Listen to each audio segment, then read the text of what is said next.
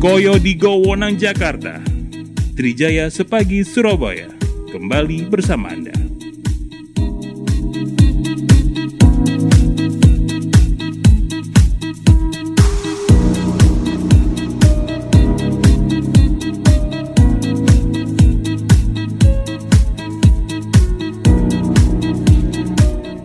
Balik mana nang kene rek. Trijaya sepagi Surabaya. Cuaca pagi hari ini cerah berawan Cenderung hangat di pagi hari ini. Mudah-mudahan menghangatkan kita semua Untuk melakukan aktivitas. Tapi ada prediksi ya Nanti siang Wilayah Surabaya secara keseluruhan Ini ada potensi hujan ya Dan perlu dihati-hatikan Sesaat sebelum turun hujan ini ada angin kencang ya, koyok wingi rek, wah kaspira udane tapi anginnya ngebes, marakno tanduran-tanduran wit-witan bertumbangan ya, robo terterjang angin kencang ya.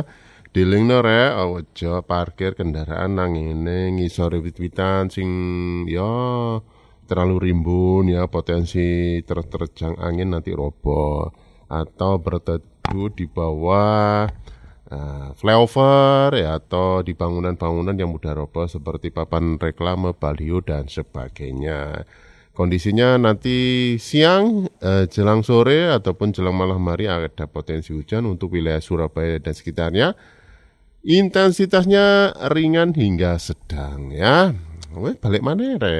Yang gini, cawan. Iya, Cak Ilman. Iya, ya, Cak. seperti yang kita sampaikan tadi, Cak. Iya iya cak. Eh, kita akan ngobrol, Cak, Heeh, kaitannya ngobrol, Cak. dengan eh, politik nasional Oh, karena iya. tahun 2024 sudah akan ada coblosan Oh. pilihan presiden, pilihan anggota MPR, DPR dan pilihan-pilihan yang lain. Termasuk nanti di tahun 2024 juga akan ada pemilihan gubernur dan para kepala daerah, Hmm. bupati ataupun juga wak- eh, apa wali kota. Nah, nah ini yang menarik adalah dalam beberapa hari terakhir ini Surabaya ini banyak kedatangan tokoh-tokoh nasional. Oh, pesohor ya cak ya. Pesohor bahkan dalam kesempatan tersebut Ketua PBNU eh, Kiai Haji Yahya Khalil Stakuf sempat menyatakan bahwa jajaran pengurus NU tidak boleh maju sebagai capres. Wah, ini juga tentu menarik.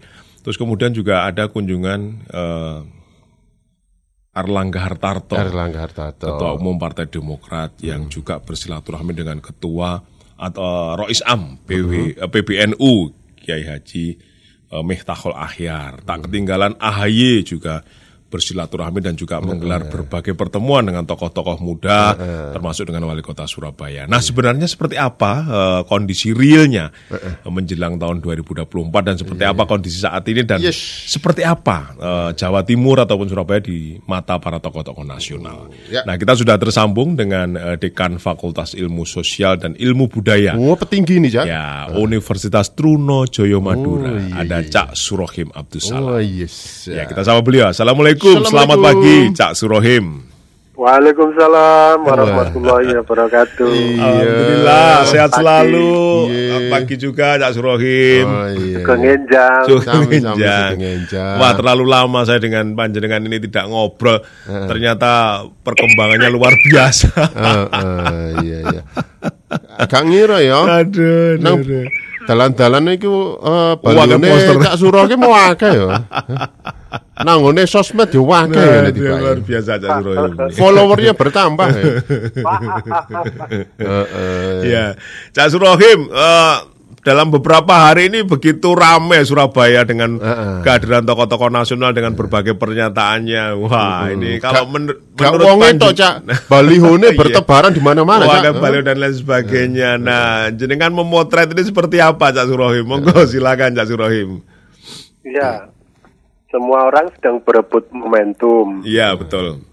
Hari-hari ini kan kalau di dalam politik itu kan istilahnya masih tahap surfacing ya. Oh, Oh, iya, iya. iya. Di tahap pemunculan, Iya, iya. Iya, iya. pemunculan tokoh. Sehingga nanti bisa masuk premillen preliminary atau mungkin kandidasi dari parpol Iya. itu akan sangat tergantung dari pemunculan oleh publik hari-hari ini. Iya, Oh iya. betul, iya. betul. Istilahnya cek sound ya, Cak ya. J, Jackson, tes ombak, Cek ombak, cek sound ya dan lain sebagainya. Hmm, ya, tes ya. aksi reaksi. Oh, Iya. iya, iya, iya, iya. Banyak istilahnya. Iya, Wah, istilah iya, yang menarik, menarik ini, ya, ya. Ya karena kalau memang tidak dimunculkan, Nggih. sepertinya ya memang apa eh, akan berat masuk kandidasi Iya. di parpol karena Iya, iya. parpol pun juga mempertimbangkan apa eh, penilaian publik. Ya, Jadi nggih.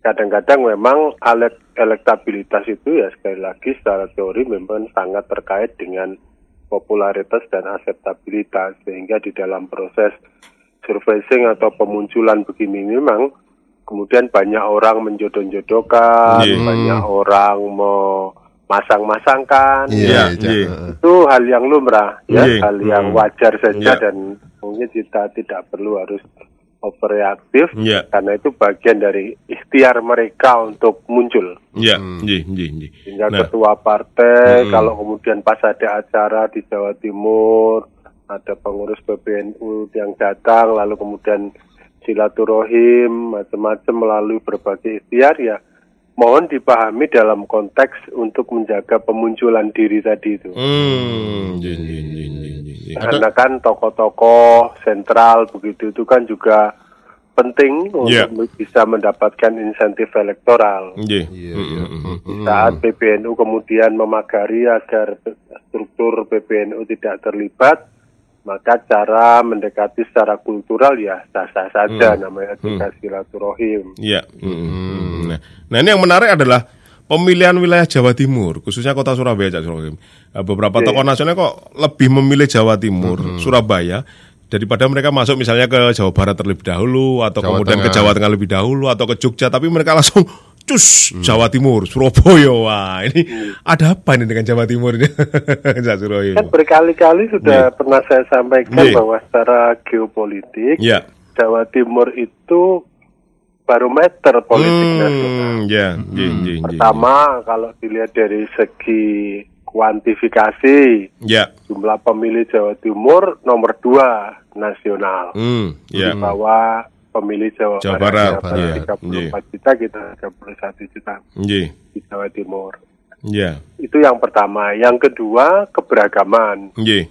Jadi kalau pemilih Jawa Barat itu relatif um, apa ya bisa dikatakan agak homogen gitu, tapi Iya. kalau Jawa Timur ini keberagamannya tinggi, Hmm, relatif iya, iya. heterogen. Betul betul nggih. Itu nggih. pula yang kemudian sering apa menjadi catatan ya, terutama mereka-mereka ya atau kami-kami ini yang sering Mm-mm. mencermati data survei. Kenapa angka Jawa Timur itu sering mendekati perolehan angka nasional ya secara Mm-mm. persentase itu? Iya. Mungkin karena faktor keberagaman tadi. Mm-mm, mm-mm, mm-mm. Terus yang ketiga tentu karena Jawa Timur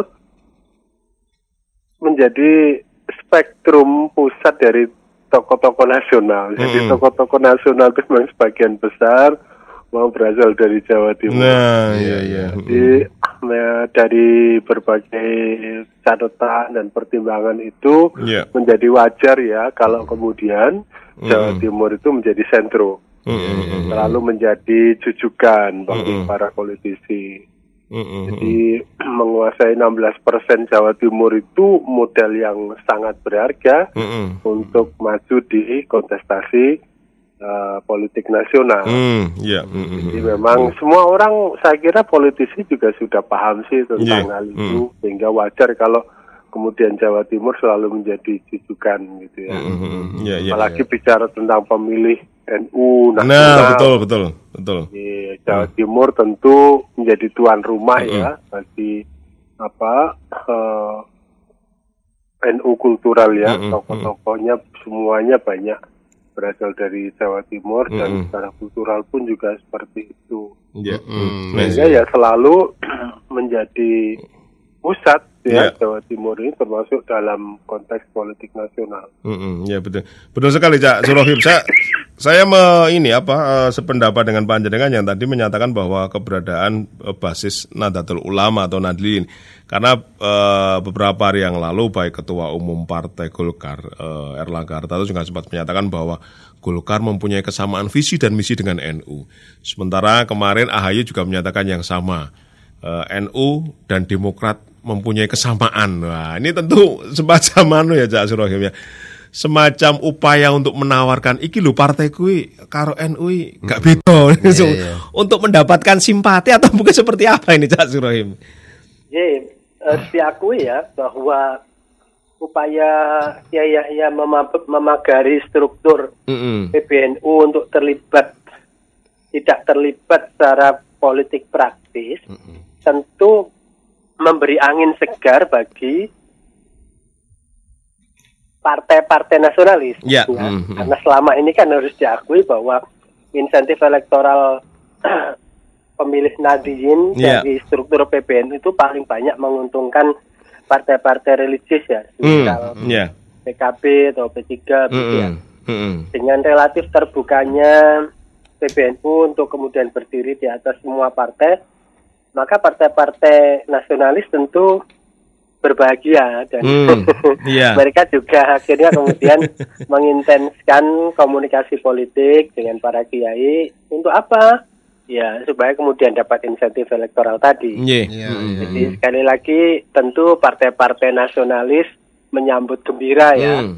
Uh, policy dari PBNU yang menjaga jarak dengan kekuatan partai politik. Mereka Ya. ingin berdiri di atas semua golongan Mm-mm. dan itu dimanfaatkan betul oleh partai-partai nasionalis dan Mm-mm. partai tengah ya termasuk di antaranya Golkar dan Mm-mm. Demokrat. Mm-mm. Ke mana para kiai pergi ke situ para ketua-ketua umum partai ini berusaha mendekat. Ya saya kira ini akan menjadi dinamis, Iya. akan kian menjadi riuh ya. Iya. Karena dengan dibentenginya Mm.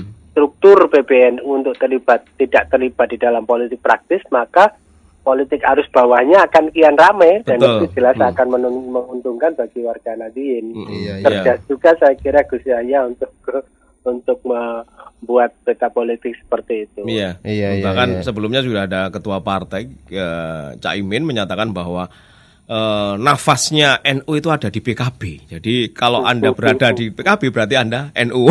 sudah seperti itu. Tapi kemudian ada lain yang menyatu dan kemudian ada apa statement dari eh, apa Gus Yahya bahwa struktural di partai tidak boleh kemudian ikut dalam eh, gelombang ataupun irama politik partai secara langsung. Iya, ya. Nah, PKB kan sedang sedang digoda ini. Nah. Iya, iya. Menarik ini, menarik ini, Cak. Sementara ada satu partai lagi P3 menyatakan bahwa P3 adalah rumah besar bagi Nahdlatul Iya. Ulama. ini tentu hal yang eh, yang apa ya? Yang tentunya saling memperebutkan bagaikan seorang gadis yang cantik jelita gitu aja ya, Nanelo yang diperebutkan oleh banyak orang ini. Iya, iya.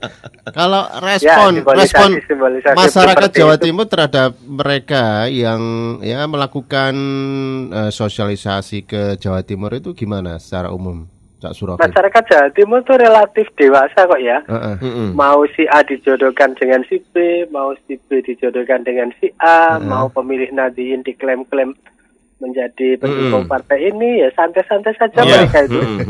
Intinya mereka kan sedang mengetes apakah itu tulus atau tidak. Eh, apakah menjawab itu kebutuhan atau enggak gitu menjawab ya. kebutuhan atau tidak, Iya. berkelanjutan apa tidak, Iya. sesaat atau mengkan Mm-mm. berdimensi jangka panjang. Pemilih-pemilih Nadiyin itu cerdas kok. Mm-mm. Sekarang mereka berpengalaman dari pemilu ke pemilu. Iya. Hmm. Apalagi sekarang keluarga-keluarga dalam Nadiyin itu kan tidak semuanya ada juga di P3 dan PKB, ada sebagian juga yang tersebar di beberapa partai lain. Betul, betul. Hmm, Itu yang kalau- kemudian juga membuat dinamis ya arah dukungan harus bawah ya. Iya. Bisa jadi kiai dengan pesantren ini mendukung partai A ya karena memang keluarganya memang ada di partai A itu. Mhm. Nah, Iya. juga ada kiai dengan pesantren B mendukung ke partai B Mm-mm. karena keluarganya ada di partai itu ya akan seperti itu.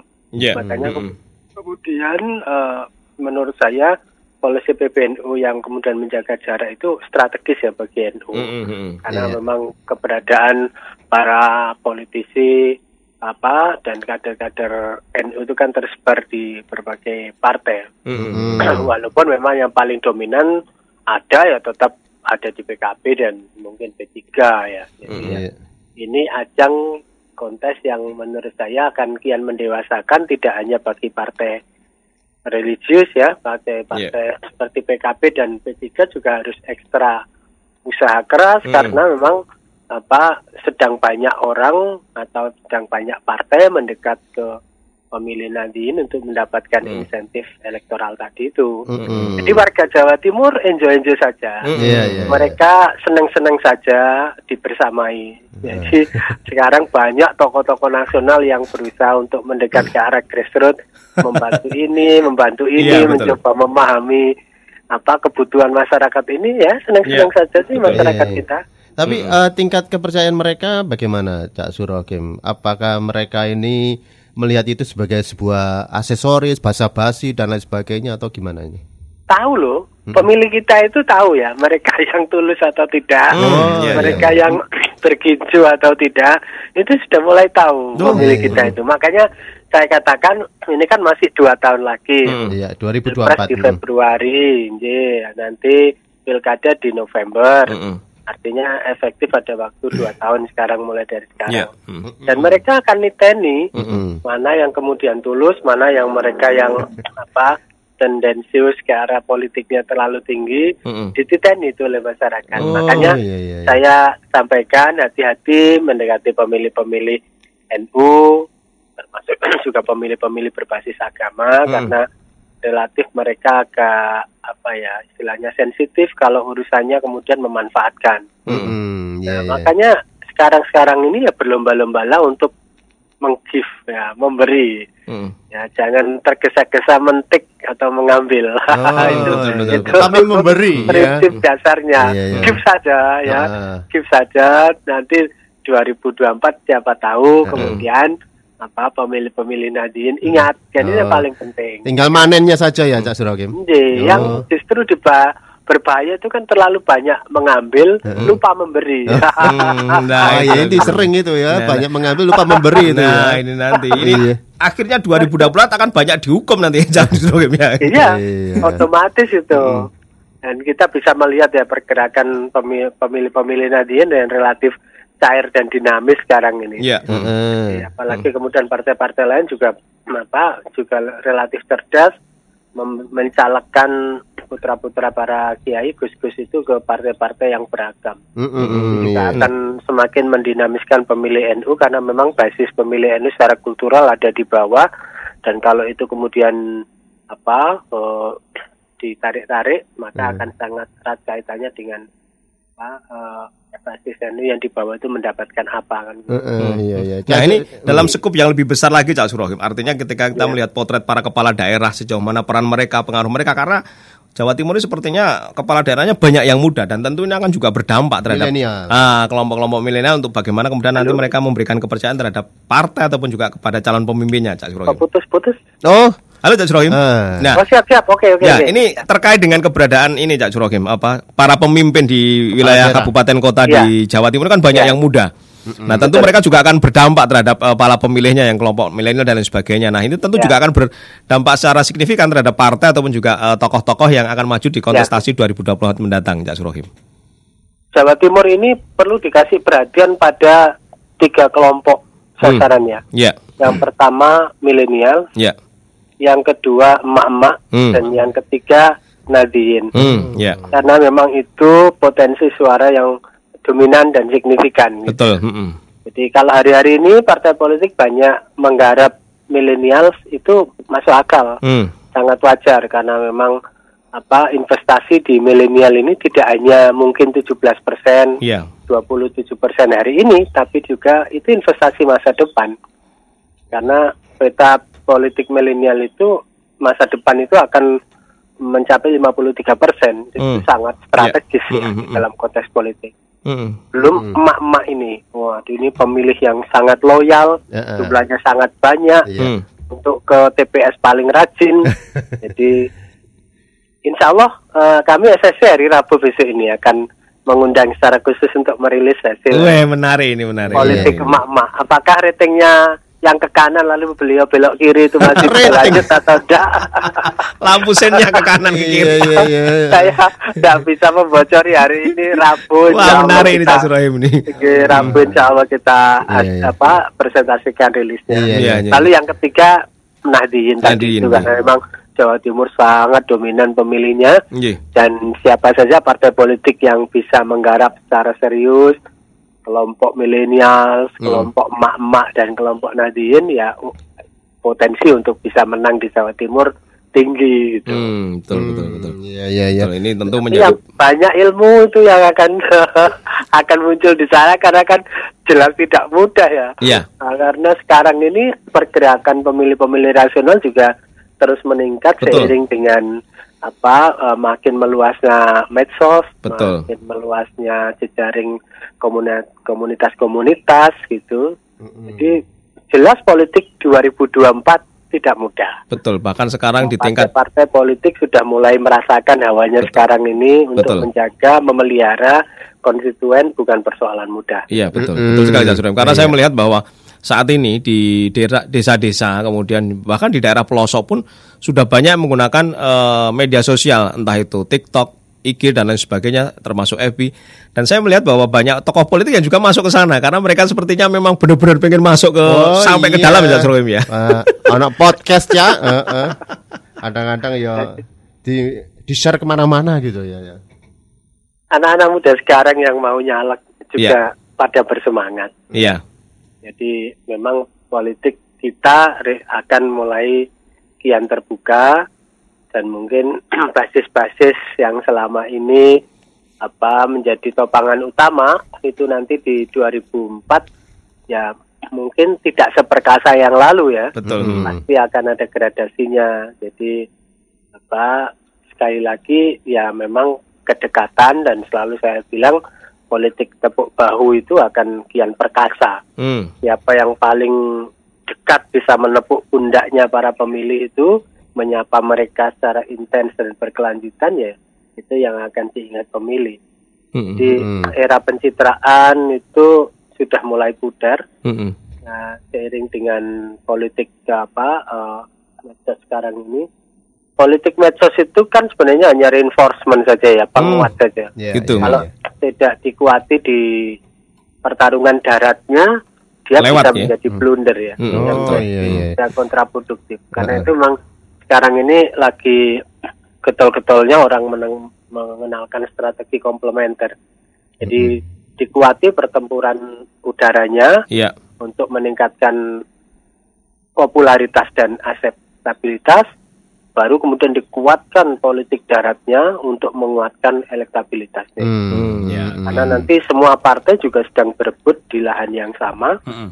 dan mereka juga akan menggunakan uh, strategi yang paling jitu menurut mereka dan itu artinya politik arus bawah akan kian dinamis. Hmm, hmm, hmm. Iya iya iya iya.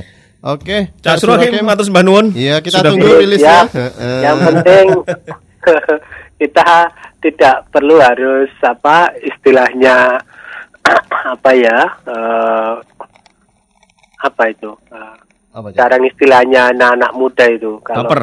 apa baper ya, karena ini masih di dalam tahap pemunculan Mm-mm. atau surfacing politics tadi Iya. dan semua orang berhak untuk memunculkan dirinya termasuk mungkin jenengan berdua kalau mau Iya, saya sodorkan Iya, iya, iya. untuk menjadi Iya, iya. calon Ayo, Dek, cek sono aja. Tes 1 2 3, cek 1 2 3. Kita berada dalam ranah dunia dagelan, Cak. Iya iya iya. Jadi kalau itu kan Iya. itu. Tapi maksud saya bahwa hari-hari ini memang orang sedang seneng-senengnya menjodohkan Iya. ya Oh, untuk iya, mendapatkan insentif elektoral tadi itu dan itu wajar saja karena Hmm. mereka ingin muncul, mereka ingin masuk radar. Oh, gitu. Oh iya iya iya. Cak Nuwun matur nuwun sudah berkenan air pagi hari ini. Kami-kami, Iya. Jin, sampai ketemu hari Rabu. Siap, Cak Surahim. Iya, Selamat pagi.